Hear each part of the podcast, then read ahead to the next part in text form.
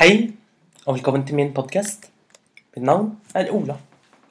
Jeg jeg liker å fortelle eventyr. Fortellinger. Historier. Jeg liker å fortelle spennende historier.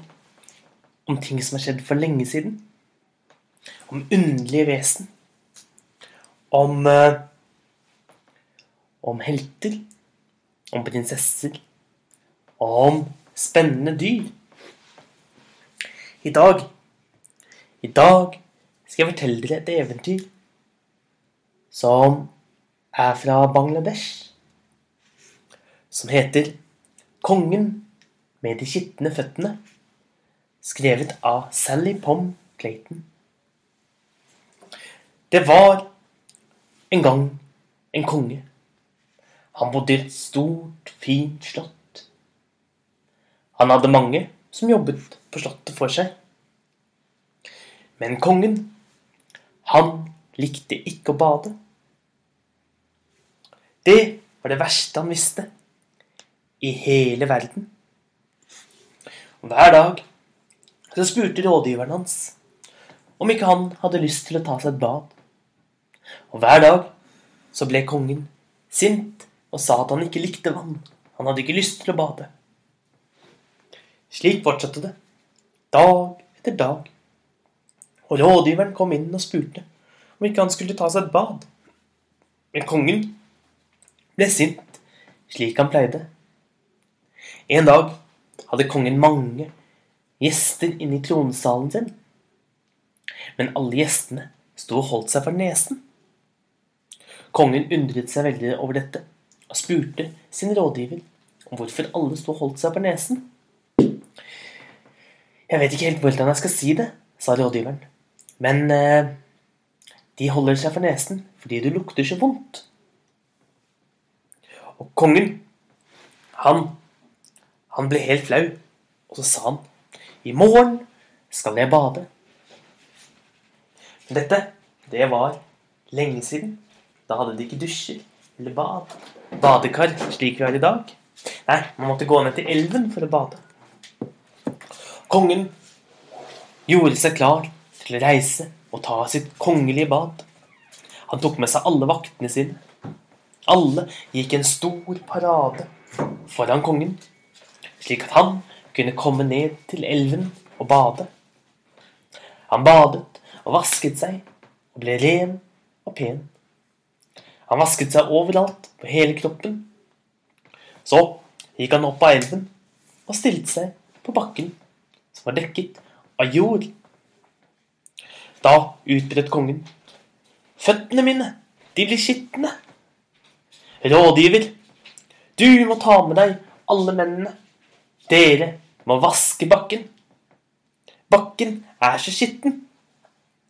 Den må bli blank og fin og ren, slik at ikke jeg blir skitten på føttene mine når jeg har tatt mitt kongelige bad. Og rådgiveren, stakkar, han visste ikke hva han skulle gjøre. Hvordan kan man vaske bakken? Hvordan kan man vaske bort all jorden på hele bakken? Men han tenkte og tenkte. Da tok han og sa til alle vaktene og alle som jobbet på slottet, at de måtte ta med seg alle kostene de hadde. De alle satte i gang med å feie bakken. De kostet fram og tilbake.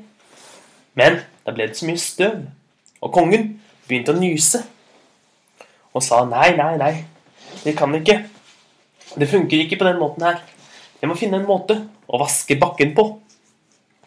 Og rådgiveren tenkte seg godt om. Så kanskje de kunne bruke klut og vann. Så alle kongens menn gikk og hentet seg hver sin bøtte. Så hentet de seg kluter og begynte å skrubbe på bakken. Men vet du hva som skjedde da? Med en gang det kom vann og jord sammen, da ble det søle. Hele bakken ble dekket med søle. Og kongen utbrøt nei, nei, nei, nei, nei, nå blir jeg enda mer skitten enn det jeg ble før.